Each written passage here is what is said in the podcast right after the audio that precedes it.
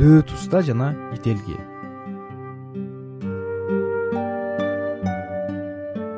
илгери илгери өткөн заманда колунан көөрү төгүлгөн зергер уста дөөтө жашаптыр. Ал кызыл чокко колун салса да күйч эмес экен. Темирди камырдай жууруп түркүн буюм жасачу алтын күмүштөн оймо чийме чекчү.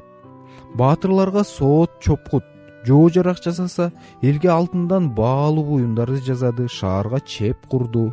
Желге жел тегирмен сууга суу тегирмен чуркатты. Калкы кадырлап атагы алыска жайыла баштады.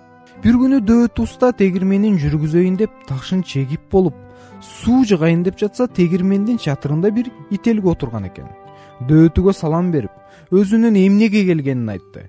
Мен сиз менен мелдешейин деп келдим эле. Эгер мен сиздин тегирмениңиздин ташын жара тээп жүргүзбөй койсом мага алтындан тээкөр жасап бересизби? деп сурады.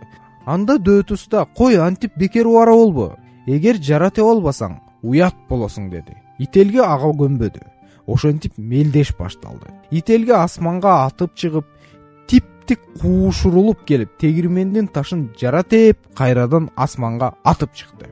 Дөөт уста ителги кайра имерилгенче ташка кадоо салып сууну жыгып тегирменди жүргүзүп жиберди. Ителги кайрылып келип караса тегирмен кадимкидей эле жүрүп жатат.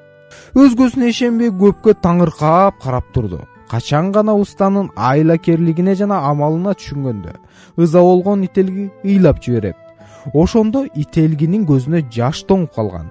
Көзүнүн жашын ушул кезге чейин аарчыбастан ителги ички ызасын чыгаруу үчүн түркүн кушка кас болуп алдынан чыкканын жара тээп кете берет экен. Ал эми дөөт устага ителги кайрылып келген жок. Эгер келсе тегирменин токтотуп чын эле эрдигин көрсөтмөк ызасын басмак дөөт устанын да ушул кезге чейин ителгини келип калабы деп күтүп жүргөнү айтылат эл арасында